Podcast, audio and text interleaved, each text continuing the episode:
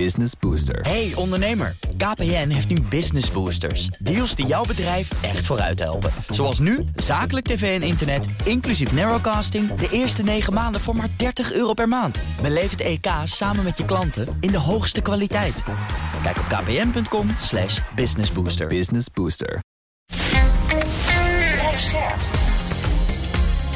BNR Nieuwsradio. De nieuwe wereld. Annette van Soest. De vraag is enorm, het aanbod kan er niet aan tippen. Kritieke materialen, grondstoffen als lithium en kobalt. We hebben ze hard nodig voor de energietransitie, voor de bouw van windmolens en batterijen voor elektrische auto's, maar we hebben er te weinig van. En dan is er nog onze grote afhankelijkheid van China. Moeten we mijnen in Europa gaan bouwen, massaal gaan recyclen of zijn er alternatieven? Wat als er niet genoeg grondstoffen zijn voor de energietransitie? Zeldzame aardmetalen spelen een cruciale rol in het behalen van de Europese klimaatdoelen. Maar hoeveel kritieke materialen zijn er? En waarom worden ze zo genoemd? Daar is geen simpel antwoord op. Het punt van kritieke materialen is, het is heel erg um, observer dependent. Dus voor Nederland heb je een andere lijst dan voor België. En voor China heb je een andere lijst dan voor Europa. Dus elk land en elk bedrijf heeft eigenlijk zijn eigen lijstje. Dus je kan er niet zo op zeggen welke zijn kritiek en welke zijn niet. Je hoort Benjamin Sprecher, industrieel ecoloog en universitair docent aan de Technische Universiteit Delft. Hij is gespecialiseerd in schaarste van kritieke materialen en circulair productontwerp. Wat je doet is, de definitie van kritiek is dat je kijkt naar wat heb ik echt heel erg nodig voor mijn economisch systeem en waar is de toevoer een probleem. Um, en vanuit die optiek hebben we voor Europa bedacht dat de meeste metalen die we nodig hebben voor de energietransitie, dus de zeldzame aardmetalen, dingen zoals lithium en kobalt, die kleinere metaaltjes, die zijn allemaal kritiek verklaard. Er zijn ook een aantal niet-metalen zoals rubber, grafiet. Uh, dat zijn allemaal materialen waar je ziet dat wij een vraag hebben die je niet zo makkelijk kan vervangen met een ander materiaal. Maar waar de toevoer ofwel geconcentreerd zit, of uh, schaars is, of andere problemen bij zijn. Vooral materialen die we nodig hebben voor de energietransitie springen dus in het oog. de reden daarvoor is dat we de vraag enorm hebben aangewakkerd. Door heel erg snel een hele ambitieuze energietransitie neer te zetten. Dat is heel fijn. Maar tegelijkertijd, wat er daarmee gebeurt, is dat als je aan de vraagkant enorme toename ziet, dan moet die aanbodkant opschalen. En dat gaat vaak veel langzamer. En daardoor krijg je een probleem in vraag-aanbod. En daardoor ontstaat de schaarste en dan wordt het dus in die definitie automatische kritiek. En wat is het grootste probleem waar we op dit moment tegenaan lopen? Er zijn twee problemen. Dus aan de ene kant heb je echt het schaarste probleem. En het schaarste probleem bestaat uit dat we dus de vraag heel erg aanwakken, maar dat die productie heel erg achterblijft. Dus als je de vraag naar koper vervijfvoudigt, dan zou je dus ook vijf keer zoveel kopermijnen moeten hebben. Als het 10 tot 15 jaar duurt om een nieuwe kopermijn te maken, en je hebt dat allemaal nodig voor elektrische auto's en je zegt anno 2023, nou in 2030 moet dat allemaal gebeurd zijn. Dat is over zeven jaar. En een kopermijn duurt 10 tot 15 jaar. Dus als je niet al drie jaar geleden begonnen was met al die mijnen maken, dan weet je dat je een tekort gaat komen. En we zijn niet begonnen met al die mijnen maken, dus gaat er een tekort komen. Dus dat is aan de ene kant. Aan de andere kant heb je ook uh, enorme afhankelijkheden. Dus zeker als je kijkt naar batterijen bijvoorbeeld. De echte materialen zelf die komen van verschillende landen, dus niet alleen uit China. Maar als je dan kijkt één stapje verder, naar de chemische vorm van kobalt die je specifiek nodig hebt voor batterijen bijvoorbeeld. Nou, 80, 90 procent komt uit China. Alles wat daarna komt ook allemaal uit China.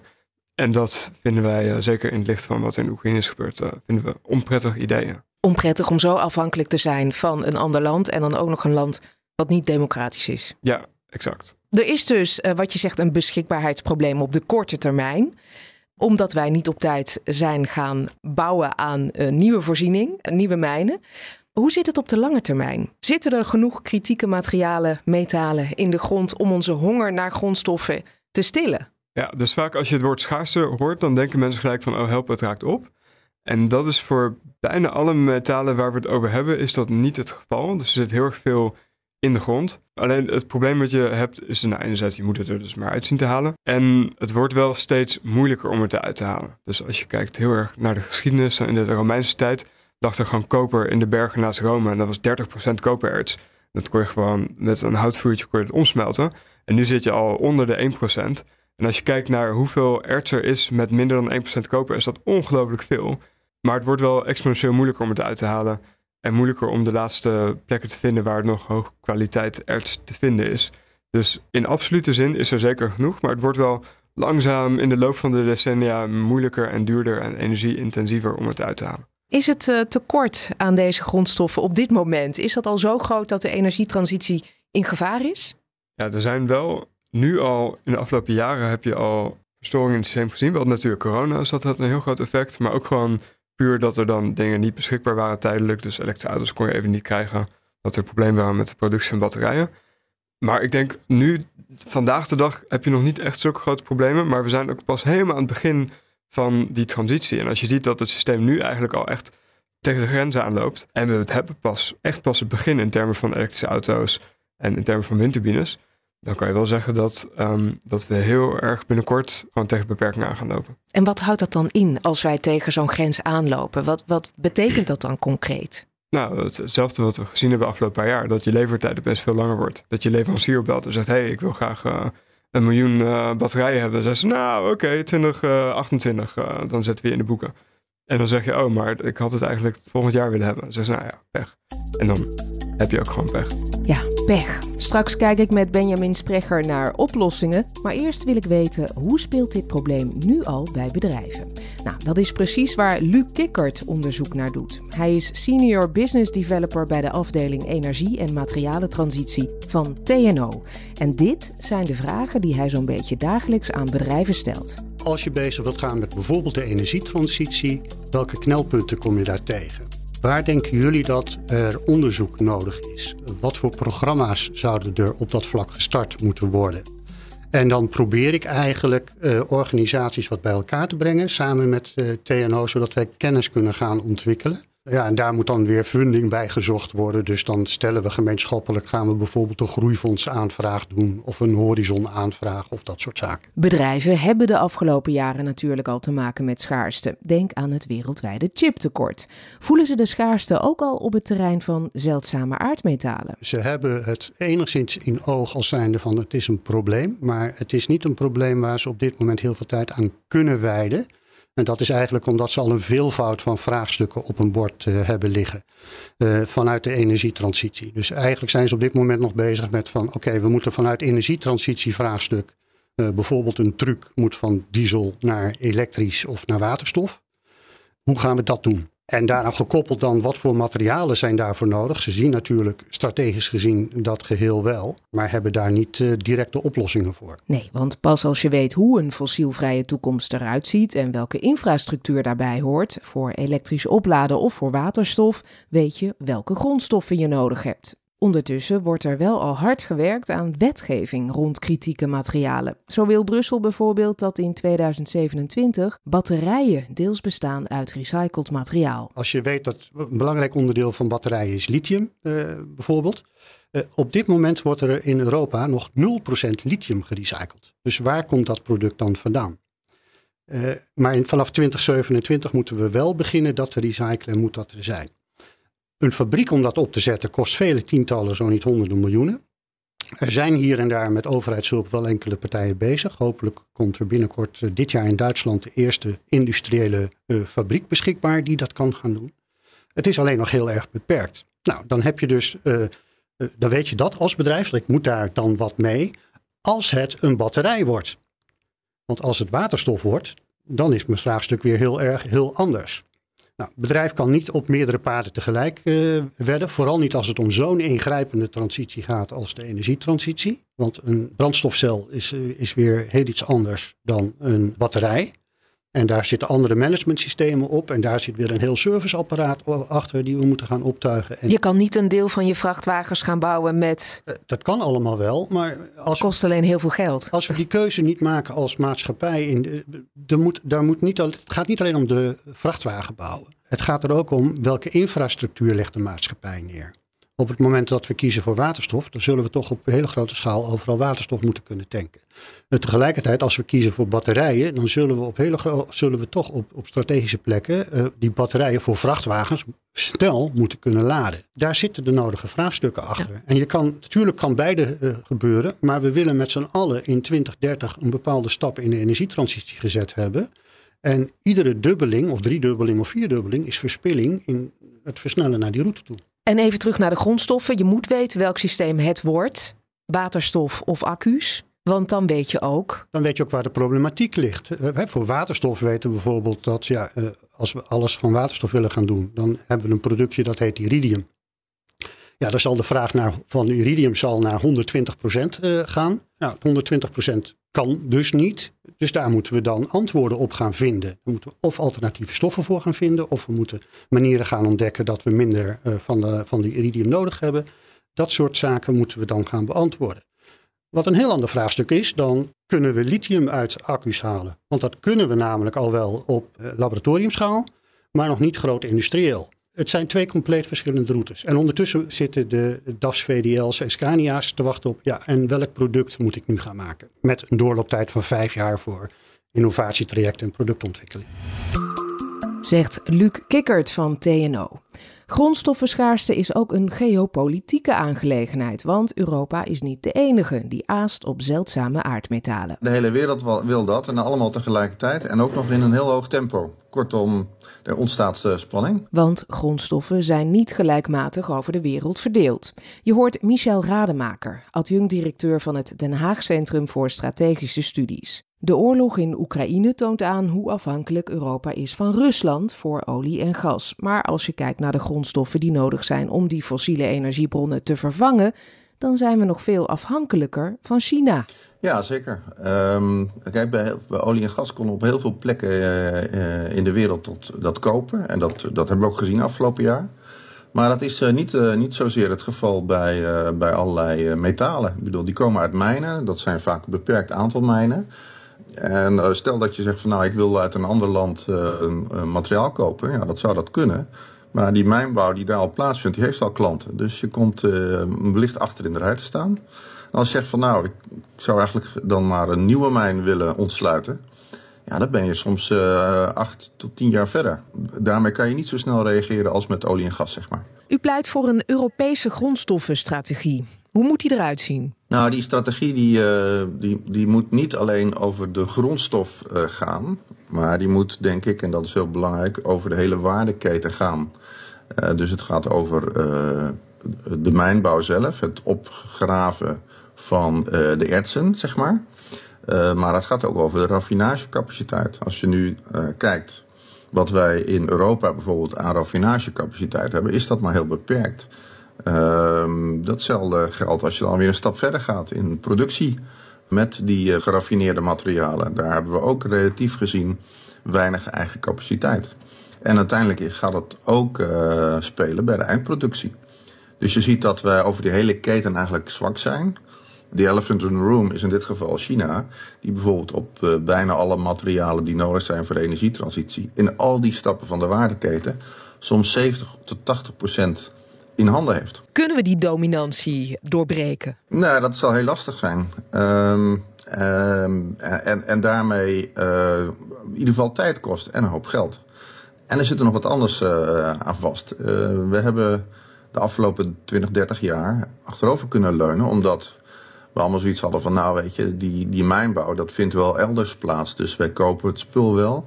Uh, en dan hebben we ook geen last van mijnbouw in, uh, in onze achtertuin, zeg maar. He, dus het is, uh, wat ze wel zeggen, NIMBY, not in my backyard. Nou, dat, dat gold heel sterk en dat geldt eigenlijk nog steeds. dus er is weinig animo om in Europa mijnbouw te starten. Maar ik denk dat we er niet aan ontkomen. En dat er ook best wel mogelijkheden zijn om dat op een aantal gebieden in Europa te kunnen doen met materialen die ook hard nodig zijn voor die energietransitie. Zoals lithium bijvoorbeeld. Zoals lithium bijvoorbeeld, ja, zeker. Ja, ja dat is er eentje. Ja. ja, in Frankrijk wordt op dit moment een van de grootste lithiummijnen van Europa gebouwd. U zei al, er is heel veel weerstand. We zien dat in de rest van Europa ook. Um, bijvoorbeeld in Portugal, Duitsland, Servië. Uh, daar is uh, een, een, groot mijnbedrijf, Rio Tinto, uh, is moeten stoppen met het grootste lithiumproject van Europa. U zegt, ik denk dat het wel moet. Maar waar moet het dan gebeuren als heel veel landen daar geen trek in hebben?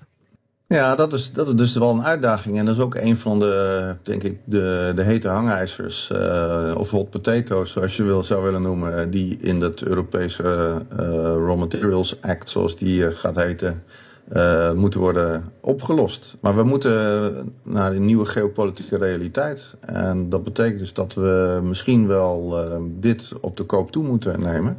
Dat is één. Dus er zal ook zeg maar, politiek uh, druk moeten ontstaan om dit toch in Europa te willen realiseren. Maar daarnaast is er nog een, een andere optie en dat, dat heeft te maken met diversificatiestrategie. Dus we kunnen we niet uit andere landen er toch ook materialen uh, kopen. Nou ja, een, goed voorbeeld daarvan is uh, Canada en Australië. Die hebben ook uh, flinke capaciteit. Die zouden dat ook best naar Europa willen verschepen. En je zou zelfs kunnen overwegen dat je zegt van nou, we kunnen wellicht ook wel helpen bij het deels ehm, opbouwen als Europa van die raffinagecapaciteit. Deels in Australië als voorbeeld. Hè, dat je zegt van nou, ik heb in Australië lithiummijnen. Uh, nou ja, dat, dat spul komt met een zekere ertsgraad de grond uit en dat ga je verschepen naar Europa. Maar je zou kunnen zeggen, nou we gaan het eerst deels opwerken, zodat we wat, uh, wat minder afval zeg maar, vervoeren. En dat je dan de eindraffinage bijvoorbeeld in de Rotterdamse haven zou doen. Dan zit je vlakbij je eindgebruikers, de, de, de auto-industrie bijvoorbeeld. En dan heb je punt 1 uh, je grondstof geregeld. 2 heb je een deel van je procescapaciteit, je raffinage zou je in Europa kunnen opbouwen. En uh, alles bij elkaar maak je je afhankelijkheid van, uh, van in dit geval China bijvoorbeeld, maak je ook minder. Maar dat, daar gaat gewoon tijd overheen. Dus het is niet iets van, zoals we dat met olie en gas nu proberen, om in een twee, drie jaar van het Russische gas af te gaan. Dan gaat met de Chinese grondstoffen niet lukken.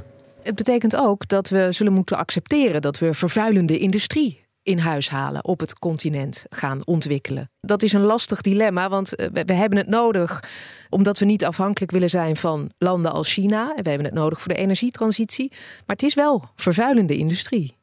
Ja, dat is het ook. En, uh, maar dat is het ook als we het elders vandaan halen. Alleen dan denken we nou eens ver weg. Dat, dat zien we niet en daar hebben wij niet zoveel last van.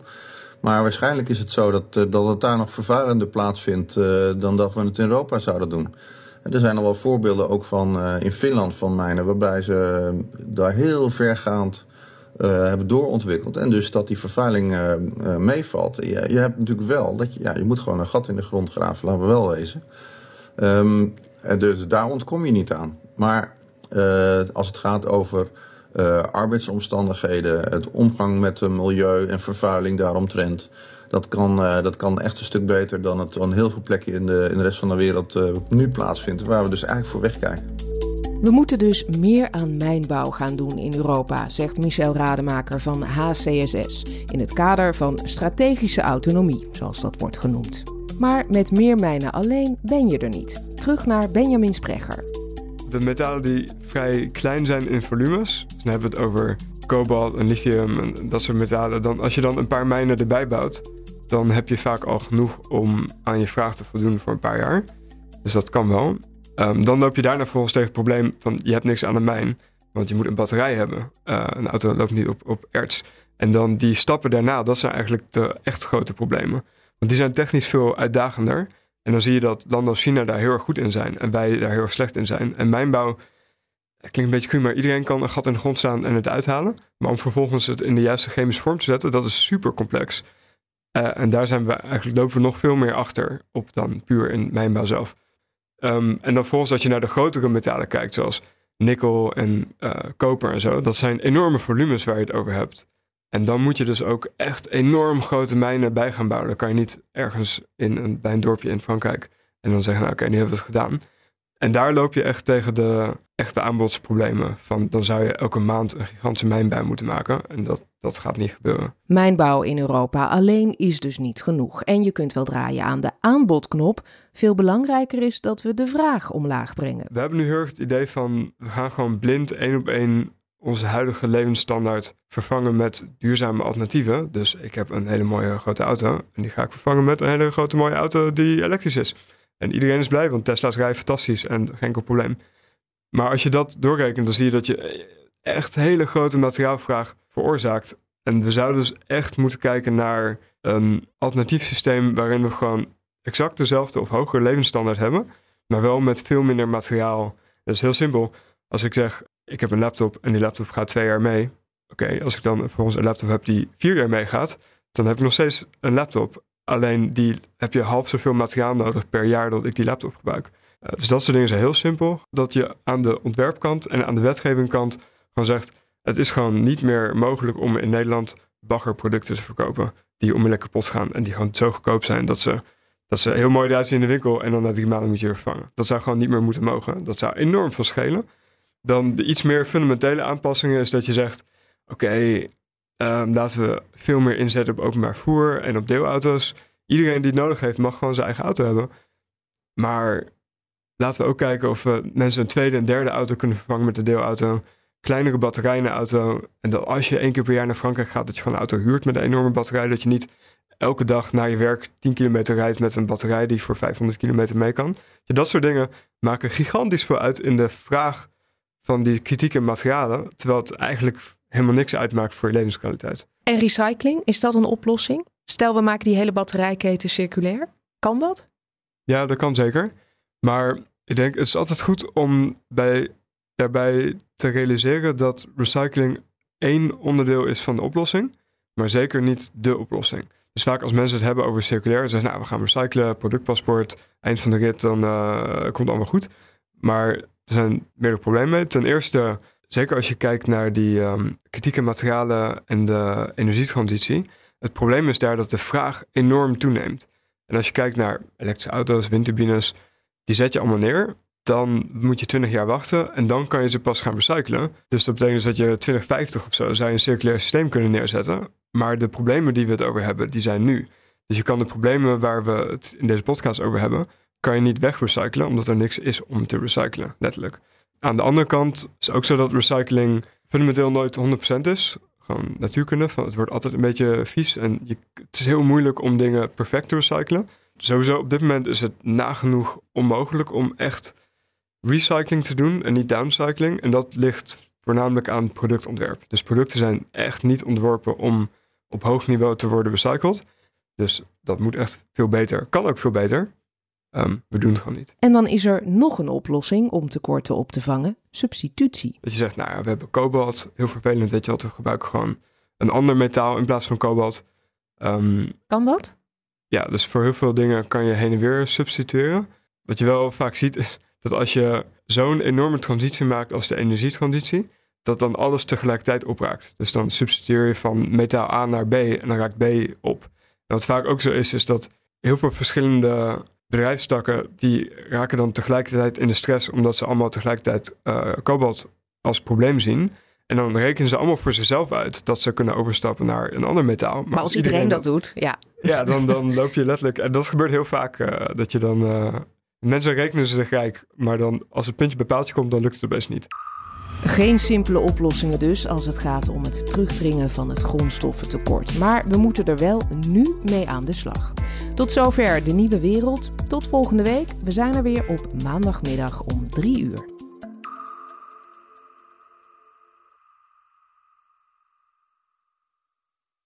Business Booster. Hey ondernemer, KPN heeft nu Business Boosters. Deals die jouw bedrijf echt vooruit helpen. Zoals nu, zakelijk tv en internet, inclusief narrowcasting... de eerste 9 maanden voor maar 30 euro per maand. Beleef het EK samen met je klanten in de hoogste kwaliteit. Kijk op kpn.com businessbooster. Business Booster.